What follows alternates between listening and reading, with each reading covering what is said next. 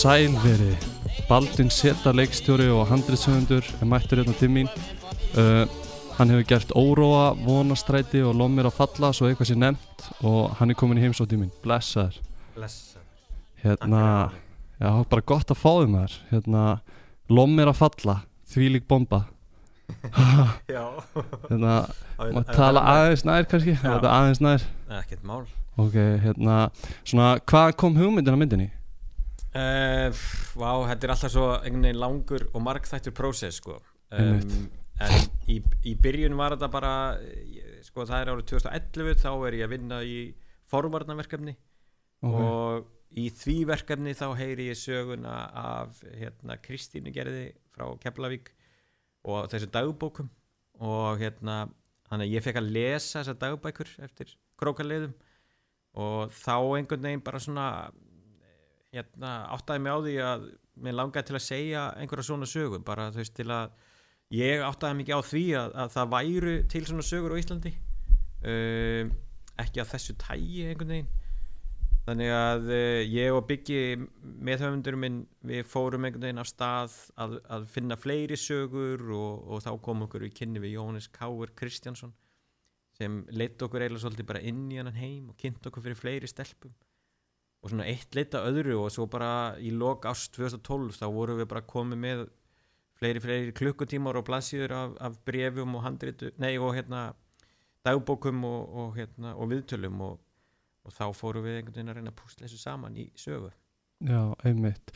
En þú veist, eins og söguna sem að veist, þetta, þetta eru tvær stelpur aðna sem að eiga sína söguna allir í myndinni. Já, en hérna, þá eru þau kannski væntalega að taka mismunandi sögur frá mismunandi aðilum og setja saman. Þetta er ekki beint saga þessar stelpu eins og við tökum bara eirunu til dæmis eitthvað, þetta er ekki beint sama sagan hennar frá upphafi nei, nei, hún er blönduð af mörgum personum já, og e, svo þegar við förum veist, inn í hérna inn í framtíðina eða nútíðina eða, eða veist, ég hef heyrt mjög mikið svona þegar við erum að gaggrýna myndina að veit enginn hvenær myndin gerist hún virðist að vera tímalaus þú veist, og fólk hefur velt fyrir sér hvort þetta séu mistök eða, eða hver pælingin er. En það var sérst ákverðin að hafa hana veist, hún bara gerist og svo gerist hún 15 árum setna veist, þannig að sama hvenær tímabilið er út í að mér finnst það í raun og vera ekki relevant hvenar myndin gerist. En svo í nútímanum þá erum við í raun og veru meira í sögu Kristínar og dagbókunum. Og það, uh, sko dagbókunum smittast bæði yfir í Stellu og Magneu sko. mm. þannig að það er í raun og veru byggt á sömu personinni, hún eldri sko, já, eða það er eldri. Þannig að þetta er alls konar bland. Það er rosa erfitt að, að segja að þetta sé bara sagan hennar en, en það, e, ef þú hefur séð lof mér að lifa að þá er samt einhver svona ein manneska sem er samt svona aðal fyrirmyndin má segja og í lof mér að lifa þá kynntist við aðeins henni hérna uh, vá akkur er nafni bara algjörlega stólið úr mér núna um, það er líka oft að það, að það hverfur alltaf bara lengra og lengra sko. Já, einmitt ah. Oh, Ok, allavega við Ah. kynntumst þar svolítið fyrirmynd sko Stellu ungri veist, eh, unga Stellu og hérna eh, og svo var önnu stelpa sem var svolítið fyrirmynd Magneu yngri en svo eru fleiri stelpur sem lit þessa karaktera með sínum sögum en hérna, hvernig kynnist þið viðmælandunum? hvar fáið þess að fá að tala við þessar stelpur og... Uh, sko Jóhannes þekkti til þeirra og til hann var búinn að vera að vinna uh, hérna heimildaþætti fyrir rúf uh, um krakka sem voru á götunni og voru að sprauta sig. Og hann bara hreinlega hafði sig samband við þær og, og sagði það eru kvipmyndagera menn sem vilja hérna, taka viðtal við ykkur út í að þeir eru sem að gera bíómynd um þetta. Og þær voru þarna fjórar, fimm sem svona í upphafi höfðu áhuga að hitta okkur og segja okkur söguna sínar. En þetta er náttúrulega rosalega sögur. Áttu það ekkert erfitt með að segja sögurnar eða? Þóra Björg, þarna kom namnið já, Þóra Björg já, það, og því að við kynntumst Þóra Björg. Já, já, einmitt. Í hérna Lof mér að lifa. Um, áttu er erfitt með að segja sögunar já, einmitt. Já, já, þú veist, það var alveg mjög misjamt eftir Já. hverjum og einum og, og hérna uh, við hittum sumar oftar en einu sinni. Þurftum svona uh, að svona revisita það sem þeir voru að segja og einhvern veginn átt okkur betur á því. Og því, að, sko, þegar, þegar við settist með þeim þá voru sumar sögunar svo lígilegar og ótrúlegar. Og ég meina eins og upphafsinnan í, í myndinni þar sem stelpun þau, þau eru að ræna hérna Karatans Óladarra með, með veist, ég hef aldrei einhvern veginn heyrt þetta að þetta væri bara actual gert að hérna auglýsiði á engamál.is fara heim til einhvern meðaldra kall sem hérna vil kaupa unga stelpu og svo ræna þeir mannin með sko livrabólgu sérsmittari sprautu og taka peningin og hlaupi burtu Þetta er brútal. Þetta er rosalega brútal. Og stelpan sem var að segja okkur þessa sögu hún var 17 ára þegar hún var að segja þegar við heyrðum þetta fyrst. Og hún var búin að þjena yfir 800.000 krónur á því ári árið 2012 Á að gera þetta á því að gera þetta. Og hún sagði stundum þá þarf ég ekki svona að fara til þeirra út í að þeir leggja peningin inn á mig. Fyrirfram það bara? fyrirfram. Og þá þarf ég ekki að mæta sko. Og- Shit. og þeir voru farnir í þessu samfélagi þessi menn sem voru að kaupa þessar stelpur voru farnir að senda myndafinni sín á milli og vara við henni ekki, ekki kaupa þessa. Þessi er eitthvað ruggluð og eitthvað svona. Svindlari bara Já. En þetta er svo lítið land Það er svo fyrirlegt ég veit það og hún líka mætti einu sinu sko manni sem hún þekkti sko. Já, spáði því. Og þú veist, sem þekkti til fóreldrinar og hann alltaf fór í kerfi þegar hann sá hana en sagði sko ég vissi að þú væri að gera eitthvað ránt hérna, nú talaði við fóreldræðina og hún bara nei, nei, nei, nei, ég er að fara að segja fóreldrum mínu frá þessu veist hvað þú ert að gera. Jésús En var ekki erfitt að hlusta á sögurnarsnöðum Jú, mjög erfitt. Og líka sko út í að þær voru búin að lifa og hrærast í þessum heimi og, og sko skilningurinn á eða sko hvar mörkin lágu fyrir sko kynlífi og hvar, þú veist, hvað er í raun og veru bara kynferðis afbrot þau mörk voru orðin mjög svona skrítin hjá sumum að þeim veist, þegar voru að lýsa atbyrja á og þá stundu kynlífið honum og við bara sátum stundu bara, já, nei, nei, nei þú veist, þett, þú veist að þetta er ekki kynlíf. Þetta, þetta er nöðgun sem þú tala um núna. Þannig að þú veist, þær eru búin að vera svo lengi í þessum heimi og mörkin þeirra voru búin að sjálfur, þú veist, voru búin að rugglast á þessu út af því að það sem þykir sjálfsagt þarna þykir alls ekki sjálfsagt hjá okkur og alveg langt í frá og hérna sjálfsmyndin þeirra orðin alveg bara komið niður í ekki neitt. Og þetta var alveg bara átakalegt stundum að hlusta á þær sko. En líka bara lífsvið þá þau breytist alveg gjössanlega og, og, og einmitt eins og segir að það sem að verður eðlægt fyrir þeim er náttúrulega bara algjörlega súrealist fyrir aðra sko. algjörlega. Og það, veist, og það kannski það er sorglega við það uh, og því að fólk fer á myndina og, og það er alveg bara, vá, var, er þetta virkilega svona? Og, og ég þarf eiginlega útskýra fyrir, fyrir þeim að þetta er miklu verra enn í myndinni. Einmitt. Og því ég, mér fannst ég hafa ákveðin þröskuld sem ég gat ekki stíði yfir ef ég ætlaði að fá fólk til að horfa á þessa mynd. Hún er alveg nóg dark og brútal eins og hún er núna. Nákvæmlega. Þannig að við þurftum pínu og sikur húða sko þessar sögur. Já, taka svona vægari útgáfu af þeim. Þannig að áriðin er í alvörinu ekki að fá og langt í frá að fá verstu útgáfun af þessu. Það voru sögur sem er sleftu það voru sögur sem við sleftum og það eru senur sem við mýktum upp. Mm. þú veist bara við getum ekki, við getum ekki gert þetta. Þá ertu bara komin með bíómynd sem er eitthvað allt annað en það sem við ætliðum okkur. Og mér langaði til að gera sögu og bíómynd þar sem fólk myndi fara og sjá og því að mér langaði svo að koma svo út þessari umræðu að þessi heimur er svona og það, það er ekkert svart og hvítt í þessu. Veist, þetta, þetta er miklu flóknara veist, hvað er ég búin að heyra oft verið að tala um foreldra krakka sem er honin fíklar? Bara hvernig gáttu þið leift barninu fara alla leið í þessu og akkur gerðu þau ekki eitthvað fyrir það er ekkert svona einfalt. Þetta er miklu flóknara. Og hérna að og mér finnst umræðan veist, það er ekki bara myndinu þakka bara var komin umræðan og myndir kom út og allt það en mér hún hafa komið á góðum tímapunkti og styrt umræðina og það er uh, það er viðhórsbreyting. Klála en, Klálega, en síðan er bara spurningu veist, eins og hérna, maður elst náttúrulega upp við að sjá forvarna vídeo og, og, og þú veist, ég man eftir að hafa hort á myndir eins og Basketball Diaries Já. með Leonardo DiCaprio Mhm. ég man ég horfði hana þegar ég var 13 ára og hugsaði með mér, þú veist, ég ætla aldrei að gera þetta sko.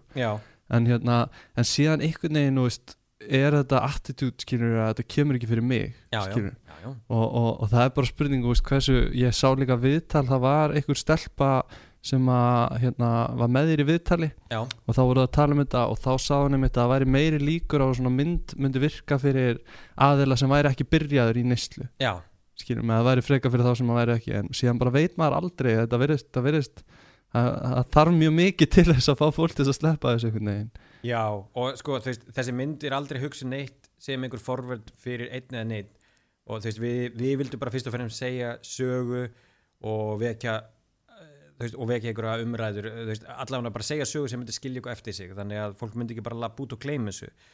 Um, svo hefur orðið rosalega mikil umræð um það hvort þessi mynd hafi eitthvað forvörnda gildi og Já. og ég sem efast ekkert um það upp á einhverju vissu marki.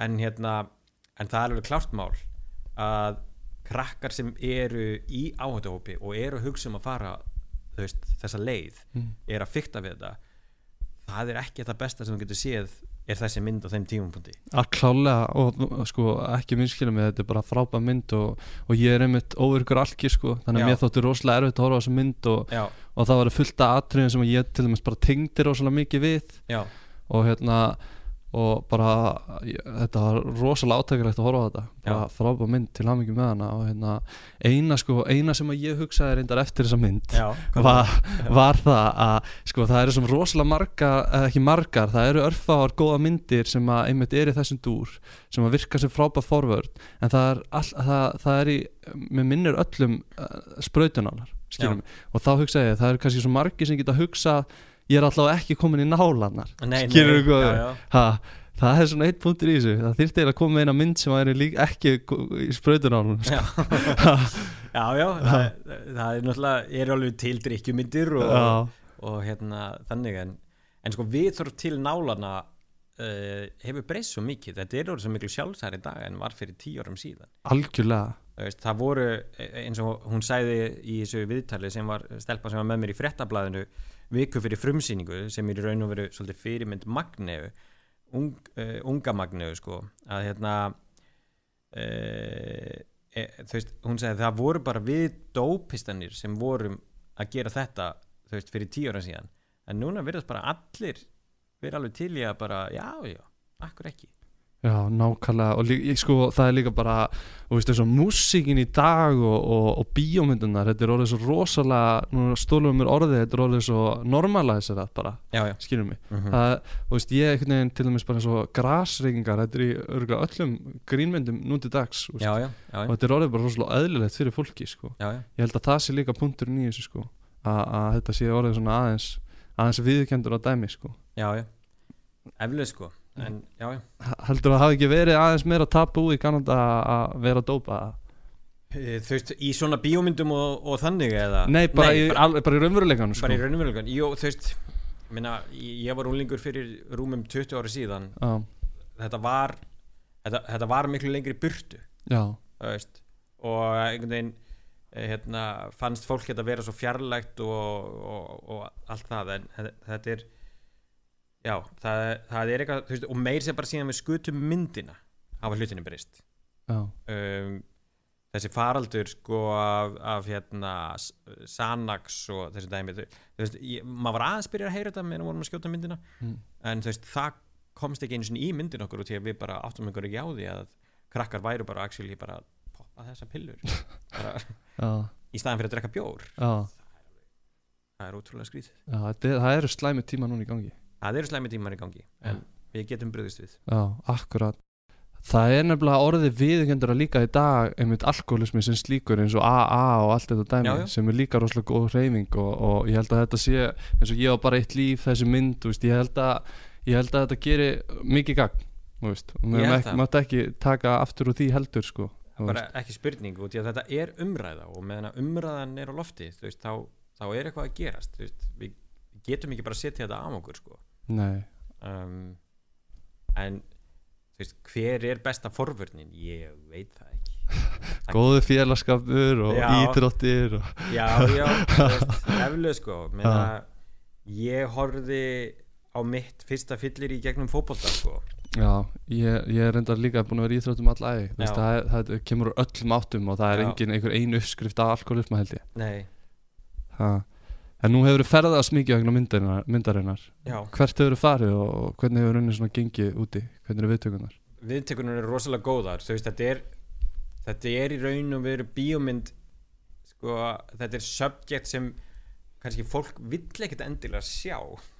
Nei, veist, það er ekki þú veist, þú, þú bara, þú ferð ekki á kvimnáttu til að byrja hvar, hvar er hérna næsta eitulega mynd ég þarf að fara að sjá einhverja nýja eitulega mynd um, en það hefur gengið rosalega vel. Þetta hefur alltaf verið svona, veist, við erum alltaf með svona Q&A á eftir og fólk hefur alveg verið svona svolítið devastated bara eftir, veist, og við höfum verið með grátætti sal alveg í Q&A og, og þegar við frumsýndum á Toronto Filmfestival uh, það var alveg, alveg magnað svona Q&A og eftir og það stóð alveg yfir í rúman klukkutíma og fólk hafði rosalega mikið að spurja og tala um og eftir sýninguna sko þá var fólk ennþá svona að þerra tárin einhvern veginn eftir og þetta, slóðu alveg harkalega. Uh, svo var ég í Suðu Kóri um daginn og það var líka rosalega áhugavert út í að það er bara komin annar menningar heimur þau horfa allt öðruvísi á þetta. Uh, þau, veist það er einhvern veginn annar skilningur. Þú veist þeim finnst eins og þetta sé ekki vandamál í Suðu Kórið þau bara já við eigum ekkert við svo mikið eitulega vandamál að stríða. En samt er eins hæsta sko sjálfsmástíðin í heiminum er þannig um, mörg af þeim sko ég veit ekki hvort það sé bara lítið af því að hvað veist þau hafðu ekki sumir hafðu ekki heyrt um að gefa börnum rítalín. Bara þetta væri ekki bara almennt séð í Suðu Kóriðu að bara gefa krökkum lif við ofvirkni. Um, þannig að þau, þau vissi ekki alveg hvað ég var að tala um stundum. Veist, þegar ég var að tala um já þau eru að taka rítalintöflur sem við gefum börnum fyrir ofvirkni og eru að sprauta sig í sig og þau bara eru þau að gefa börnum lif fannst þið með þetta var alveg styrla þegar fannst það bara alveg styrlað sko. og uh, en ég tók eftir að þú veist, það er gríðalegur alkoholismi í Suðu Kóriðu Við kennaði það bara ekki. Ég veit það ekki.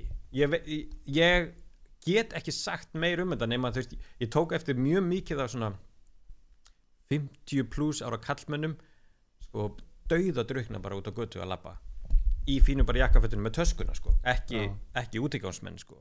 Þannig að svona mikil stífdrykja uh, og hérna reynda var mér sagt að þið þyrfti ekki að drekka mikið til að verða fullir, það er bara eitthvað svona genatíst og hérna uh, og rosalega há sjálfsmyndinni þau vinna gríðarlega mikið sko um, og með alla spurningar sem ég fekk frá þeim voru allt öðru í sig en ég hef verið að fá annar staðar.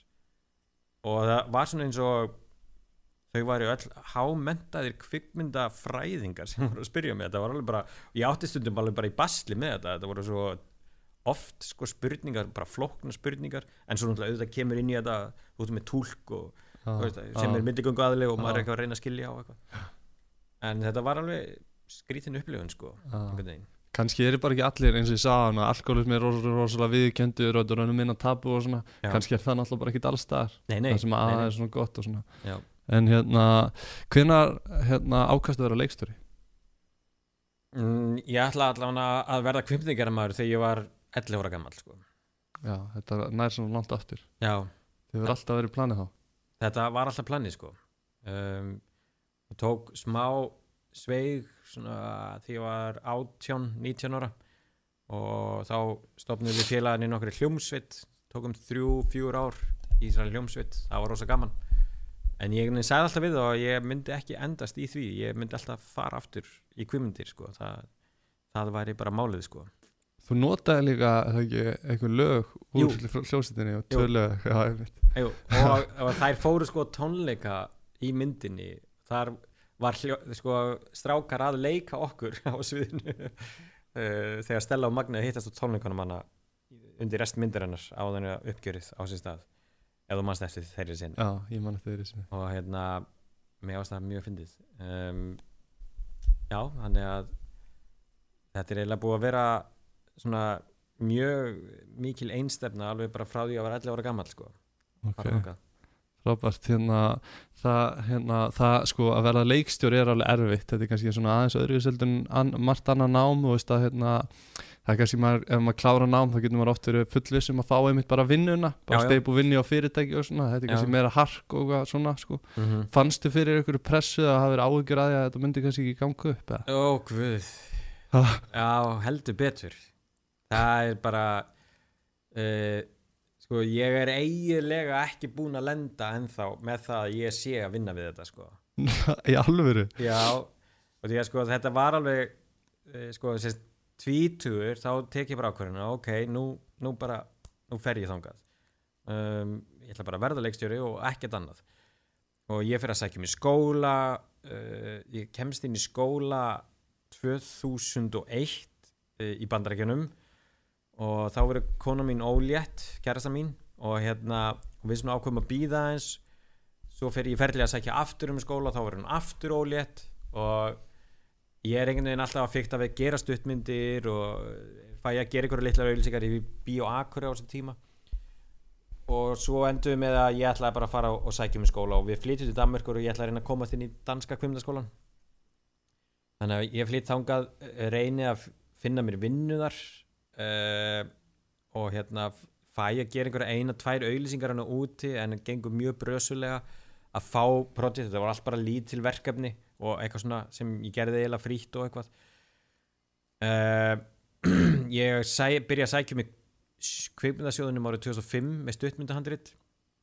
Árið 2008 var ég komið með fjögur eða fimm nei við þessu stuttmyndahandriti og það gekk bara ógeðslega ítla og þegar ég kemst ekki inn í danska kvimdaskólan eftir aðra tilraun þar búin að flytja út og búa út í þrjú ár og bara leggja allt undir til að reyna að koma til skólan þá einhvern veginn bugaðist ég pínu sko og bara svona ok, þetta er ekkert að fara verða veruleika.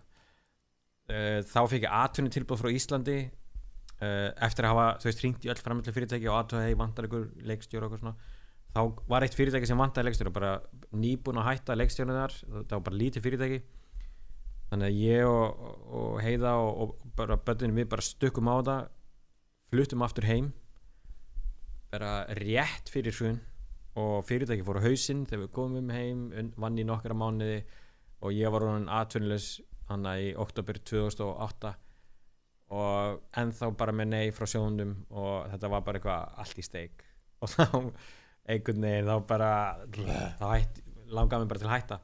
En framleiðunum mínir Yngvar og Július þeir voru ógeðslega bara harðir við mig og, og peppaðir og, og eftir ég fekk í raun og veru það svar frá kvöpundamistuða ég myndi ekki fá styrk fyrir þessu handriti alveg sama hvað ég reyndi. Ég þyrfti bara að koma með nýtt handrit. Handriti var bara alltaf langt og flókið og hérna þannig að ég endaði með að skrifa stuttmyndahandrit í reyðiskasti og hérna tók einhverja 2-3 tíma sjöblæsina handrit, sendaði inn og við fengum styrk. Og ég var það eiginlega ennþá reyðari út af því sko. Og að mér langaði svo að gera hína myndina. Uh, en ég þurfti alveg bara að skila því líkt miklu af gögnum til hvimdamiðstöðurinn og því að þau voru hún var rosal skeptísk á mig sko að hérna, ég myndi bara höndla þetta þannig að hérna á endanum fjekk í styrkin við gerðum myndina og hún var þetta var mjög krútleg mynd sko.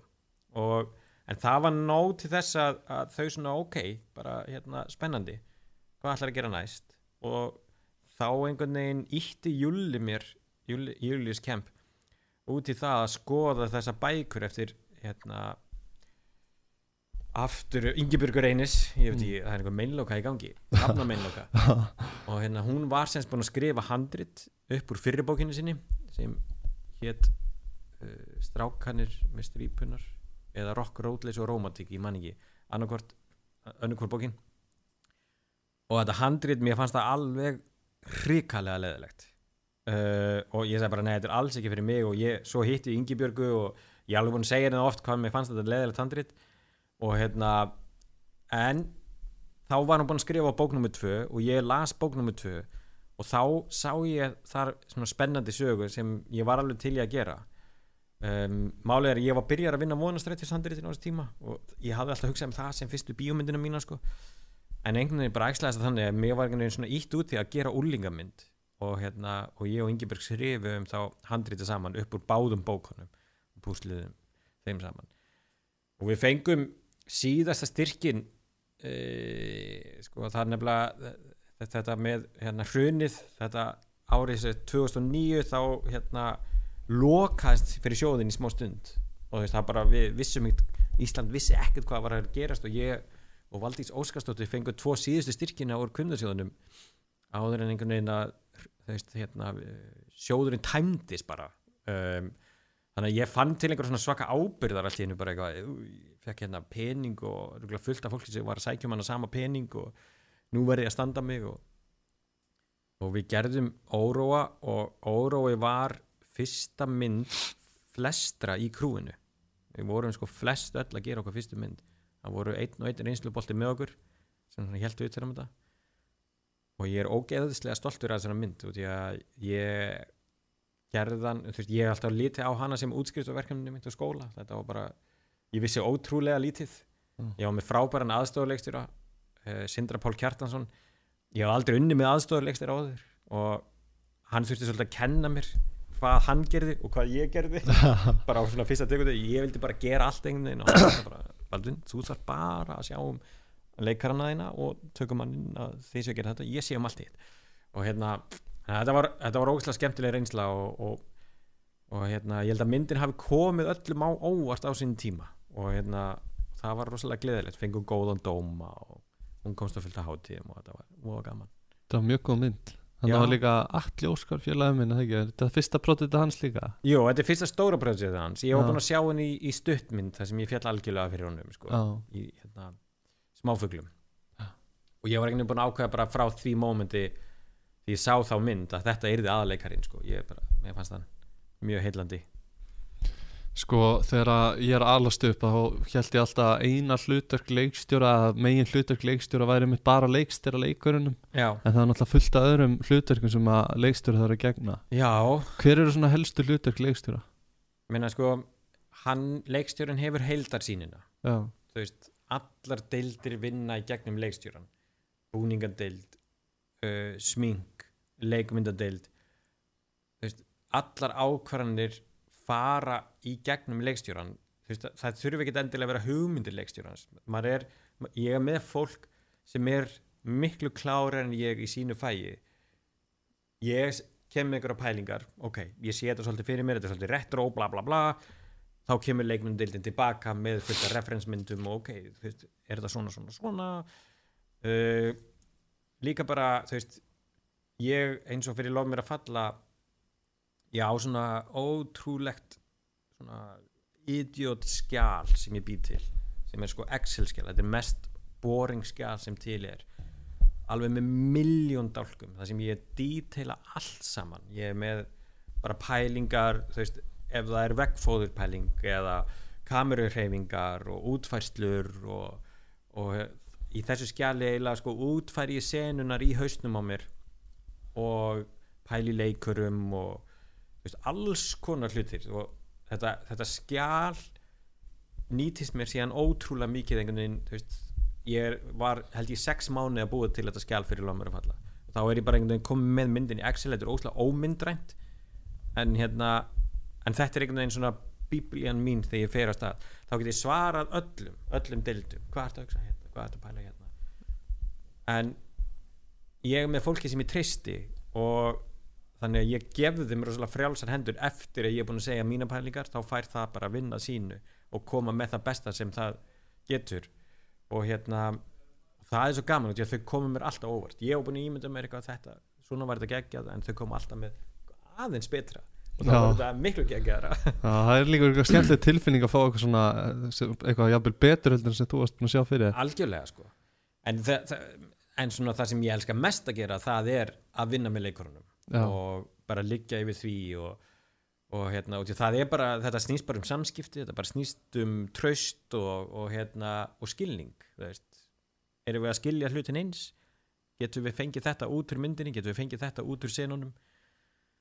Og svo bara ná þessu afslappa umhverfi þannig að allir geti notið sín þegar við erum í tökunum og því að það er geðvik pressa þegar þú ert að taka upp það er alltaf á klukkunni, veist, það er gæði með mikrofón og það er gauð með kameru og það er maður með ljós og veist, er, það er allt á fullu og það, það er alltaf að gerast á rétt tíma og þá oft spennast allir upp og það getur bitna á leiknum. Þannig að mitt hlutverk er að halda öllum með efnið og vera með gott amdurslof svo að leikurinn verði sem bestur út í að það er það sem skiptur öllum máli hérna sko náttúrulega ég hef búin að gera svona ég hef búin að vera að vinna svona smjörþi vinna því sem ég er búin að gera fyrir Facebook og eitthvað svona. Og hérna og það, það skemmtilega sem að mér finnst einmitt er að, er að sjá einhverja hugmynd sem að fær bara jafnvel bara bara inn í bara þegar maður er að fara að sofa eitthvað og sjá það sem að verða veruleika. Já, þannig ég get ímynda mér að, að ef að það eru til dæmis topp fólk að hjálpa mann að verða veruleika sem að gera ennþá betra já, og einhverja topp leikara sem er að flytja dialógin sem að skrifa sjálfur. Já. og, veist, og ég held að þetta séu gæðveik tilfinning að sjá þetta verða veruleika sko. Þetta er það, það er ekki spurning. Og þetta er sérstaklega að þetta tekur svo ofbúslega mikið tíma og maður, maður fjárfestir svo löngun tíma í hvert verkefni. Uh, að þau sitt í háskóla bíó og þetta er bara allt í hennu komin á stórt tjald og, þetta er bara rennur en gerð ég reyndir alltaf í sko móki þegar ég er á frumsýningum. Ég, hérna, ég sé eiginlega aldrei neitt af myndinni, ég er alltaf að fylgjast með fólkinu. Að tjekka hvað viðbröður eru já, þú veist, bara vonandi fyrir enginn í síman og eitthvað svona. Já, og hérna um, en það er samt alveg sko það er alveg gríðalega góð tilfinning að sjá þetta raungerast og, og svo þegar einhvern veginn frumsýningin er búinn og klappil kemur og allt þetta þá er þetta mjög sérkennilegt að lág mér að falla með að vonastrætti að hérna það var alveg svona bara crowd cheering í vonastrætti en það voru allir lamaðir eftir lág mér að falla. Já, og fólk satt af sér kreditlistan áður en þau byrja að klappa. Velnum byrja bara að klappa strax. Já, og ég var alveg búinn að segja við leikonunar uh, hérna Eirunu og, og Elínu bara ég myndi gera ráð fyrir að enginn klappi þegar myndin klárast býði, þú veist, ekki örvænta fólki fyrir að klappa þegar bara kredlistin er búin, þetta er bara ég held að fólki líði ekki þannig að vilja standa upp og klappa sko. og það var alveg raunin sko. en svo klappaði fólk alveg bara ég veit, í tíu mínútur eftir að kredlistin var raunin upp og, ég fæ gæsa á sko. já, Ég í- Nei, ég var ekki að frumsýningunni Nei, nei, sko. ég fæ bara gæsa á því tilhugsunar sko.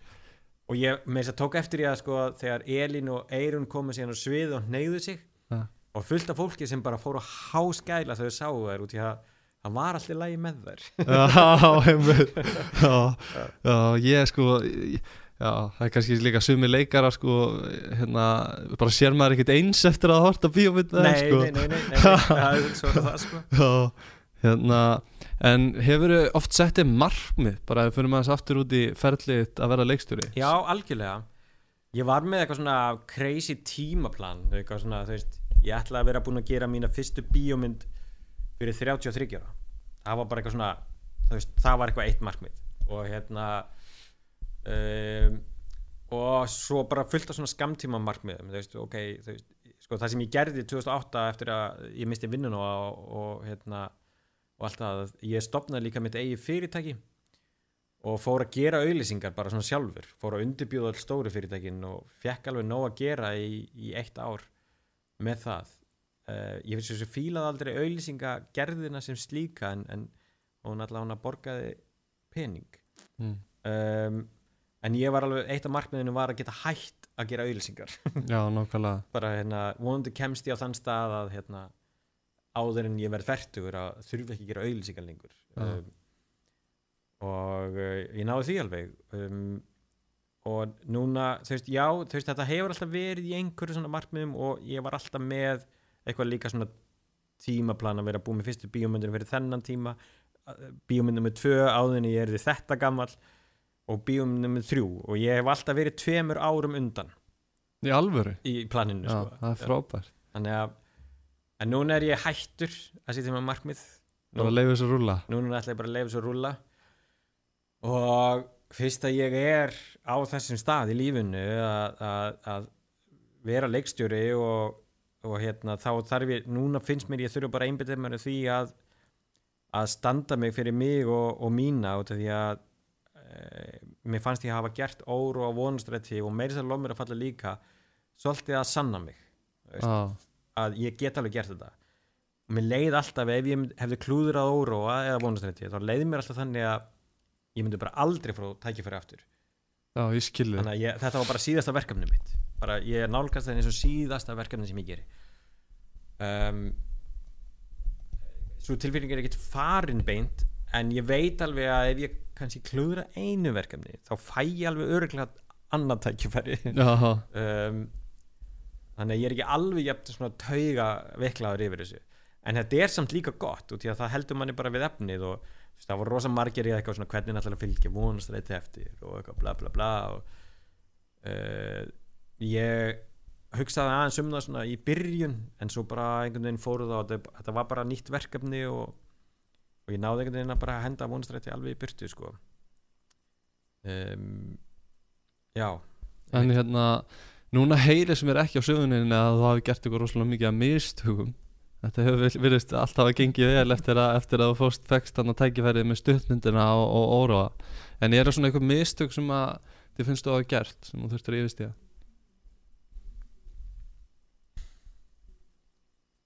já sko, heil hellingur já, af mistökum.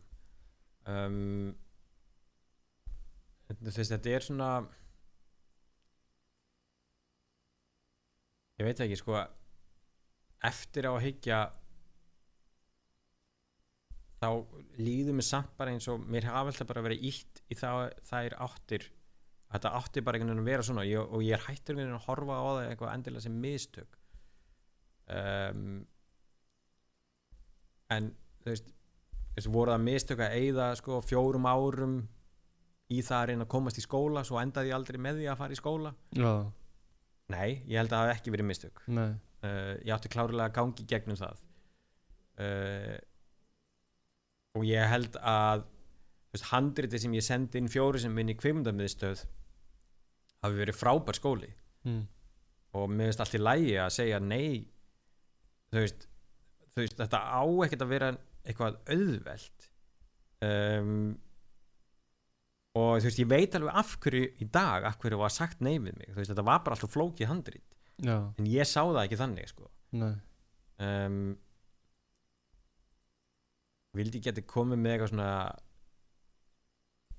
það, ég lít út fyrir bara eins og ég sé svo ógeðslega ánægð með allt að ég hef bara aldrei gert þinn mistök. Nei, alls ekki en, en, hérna, nei þú veist og meiri segja sko ég held að það sko ég hef oft verið að spyrja hvort það er ekki verið erfitt að eiga þrjú börn og, og, veist, og fjölskyldu og eitthvað svona og vera í þessu harki en það var akkurat það sem held mér við efnið sko. Já, að vilja einmitt geta séð fyrir fjölskyldinu Já, öllu, já, alveg bara kerið og kerið á það. Og ég held að ef ég hef ekki átt börn það hefur verið rólir yfir þessu. þá hefur verið miklu rólegur yfir þessu. Þetta, þetta var eitthvað svo ábúðslega mikilvægt að ná þessu markmiði.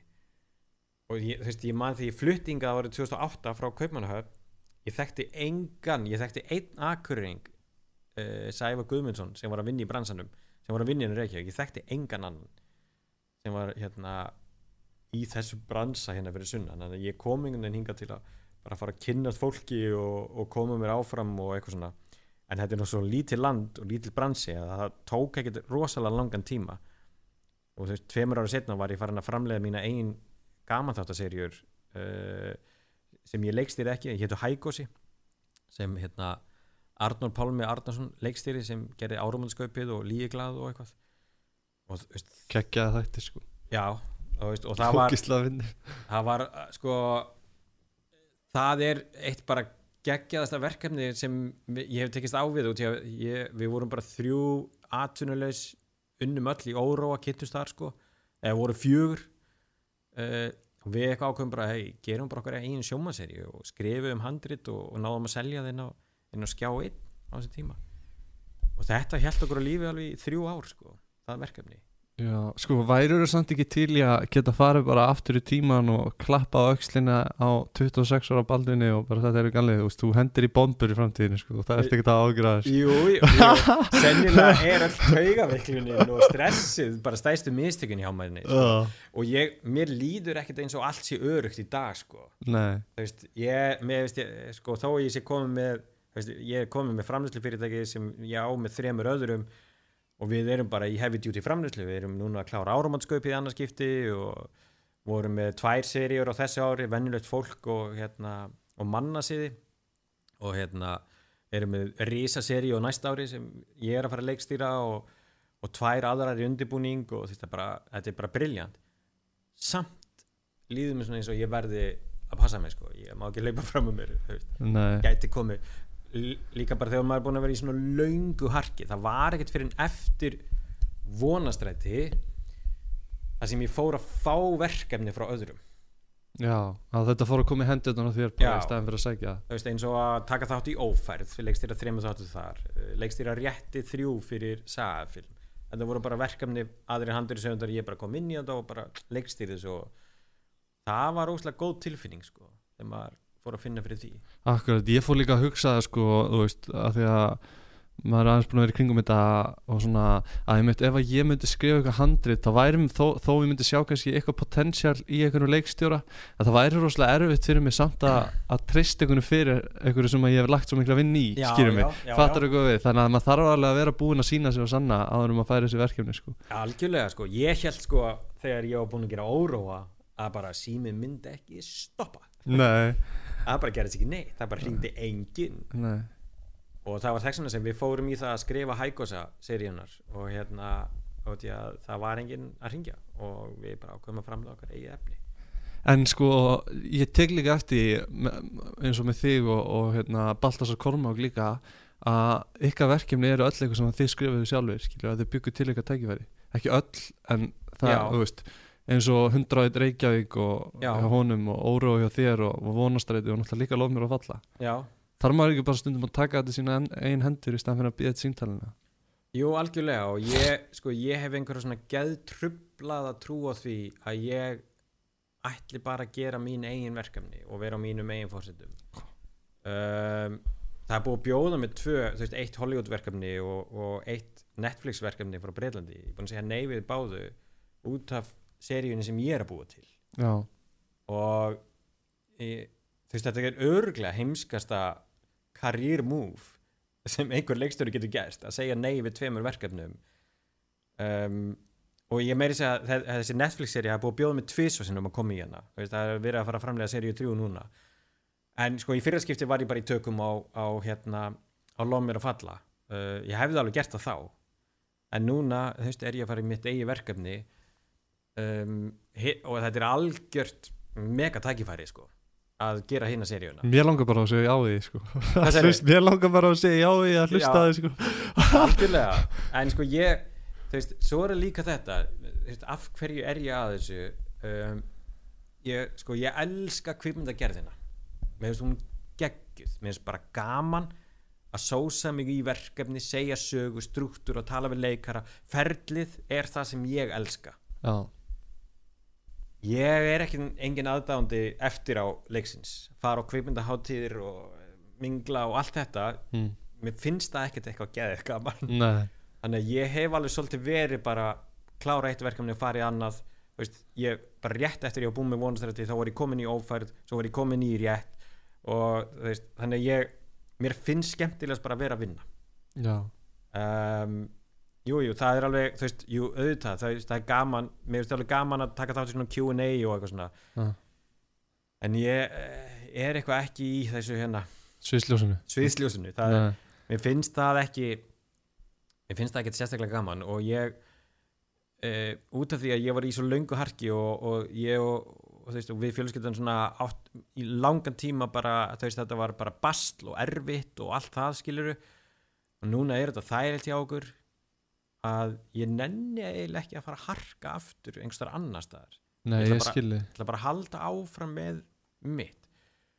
En svo verður þetta örgulega um tíma spilað í andlit hjá mér ef ég segi síðan já með einhverju Hollywoodverkefni í framtíðinni ef að það tækifæri kemur aftur. En það var alveg svona sko, þegar ég sagði nei við þessu þess, þessari bíómynd að það var alveg svona bara, ertu viss? Þú veist, mm.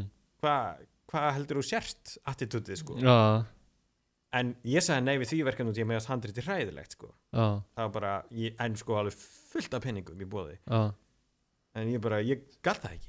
Sérfræðingarnir eru samt oft einhvern veginn svona geniusir þeir taka ykkur ákvarðanir sem að kannski fólk er ekki alltaf sammála sem að, nei, kannski, sem, sem að skilur mig þeir eru bara eins og Quentin Tarantino hann hefur bara gert sitt eigið sko. Já algjörlega algjörlega, hann er eiginlega skýrast að dæmið um þetta og meiri segja í fyrstu myndina hans sem hann leikstýri, hann var búin að skrifa nokkar handrit á það sem var það bíómyndum er að hann vildi gera hana fyrir 50.000 dólara og þeir buðu hann meiri pening og hann afþakkaði Já, einmitt, þeir, þeir eru með eitthvað svona steikta Já. pælingar Já, sko. bara nei, ég ger hann bara fyrir 50 stólar Já. og mér finnst það alveg svolítið skemmtileg pæling Já. En hérna svona ég las hérna eitt helviti gott í viðtalu við það sem Já. að þú segir sko, ég ætla að kóta bara smá brotur í sko að þú hafði tilengaði það lífsviðhorf að þetta aldrei aftur að sjá eftir neinu í lífinu Mhm. þannig nálgast í hlutin í dag ég verð að gera allt sem ég vil gera og verð að hafa gaman að því ég reynir svolítið að temja með það hugafar Mhm. þú segir þetta semst í þeirri tengingu um einmitt að fara að gera basically það sem að þig langar til þess að gera skilja, Já. sjá ekki eftir því Já. og, og hérna ég mitt er pínu með þetta hugafar líka sjálfur sko, veist, ég, ég var að vinna sko, hérna hjá afi minni með parkislípun og það hefði bara gengið vel hefði Mhm. getað unnið við það og, hérna, og hugsaði bara með mér, veist, vinnan er 50% af lífinu Mhm. langar mér ekki að gera eitthvað sem við Algjörlega. allavega að reyna Já, já. var það líka, hugsaður aldrei á tímapunktu bara, þú veist, ætti ég kannski bara að fara að vinna skrifstofinu eða Jú, ég, það, það var hann á árum 2007-2008 þegar ég kom í skólan og svona, þá fór ég alveg hugsa bara um að sækja mig í, mér langar að fara að læra sálfræði. Það er svona mest spennandi námið og hérna og bara, já, fara að gera eitthvað allt annað sko. Uh, svo hafa þau tímabil alveg komið líka veist uh, þetta er svona andleg streita í þessu fæi er mjög mikil sko. Og hérna sérstaklega í þessu törnum þegar orðna mjög langar þetta er svona, það kom svona smá yfir mig og ég tók sko tók vonastræti ófærð og rétt. Og þetta gerðist einhvern veginn alltaf á mjög skömmum tíma. Og ég, ég skaut eh, sex og halva bíómynd á 8 mánuðum. Veist, ígildi sex og halva bíómyndar. Og hérna og það er alveg svolítið mikið magn og ég var svolítið örmagna eftir það.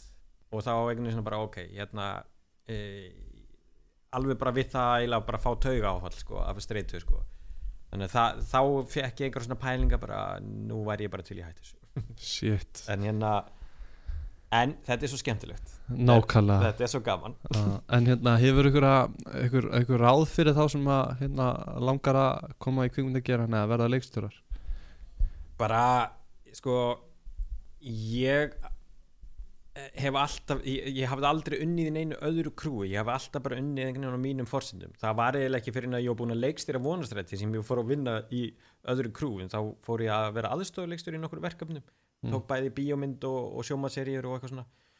En hérna en það er bara það, þetta er bara uh, mörg ár af vonbreiðum og það er bara partur af því.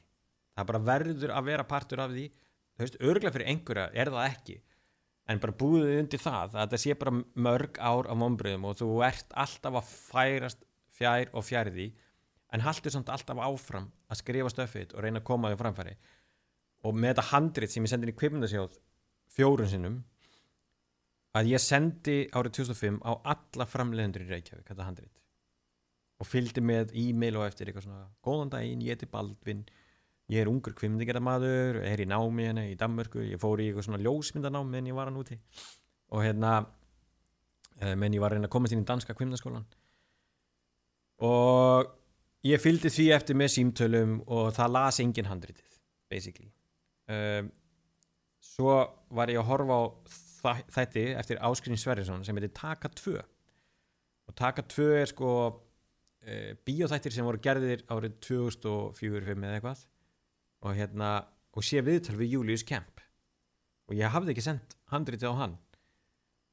Þannig að í staðin fyrir að gera e-mail með upplýsingum um mig þá kóperaði ég textan af handritinu inn í e-mailið.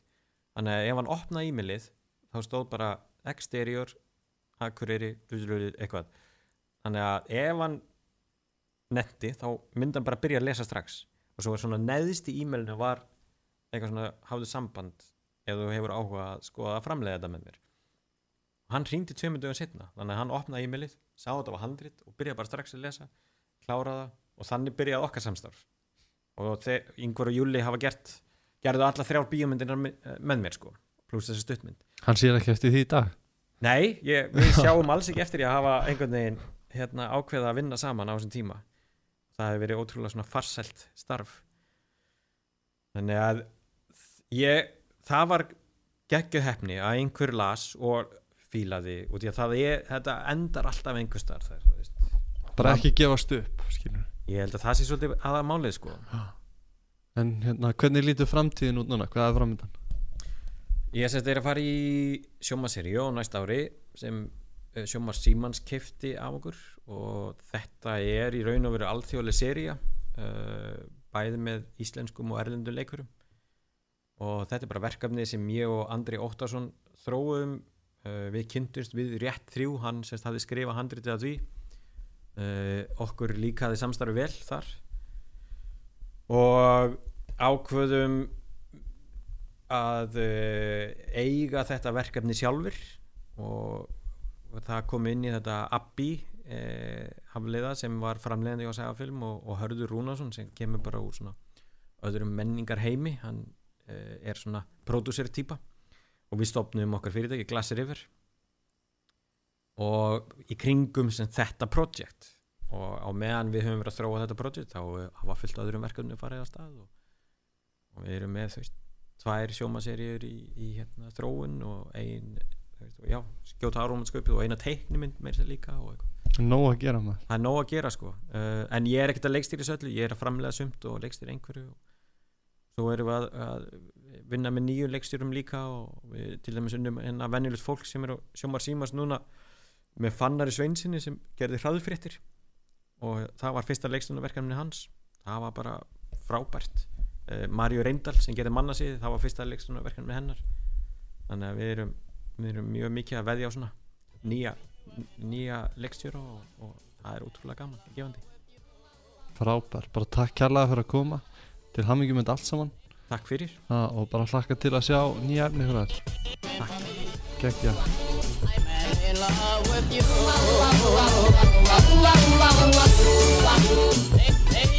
I'm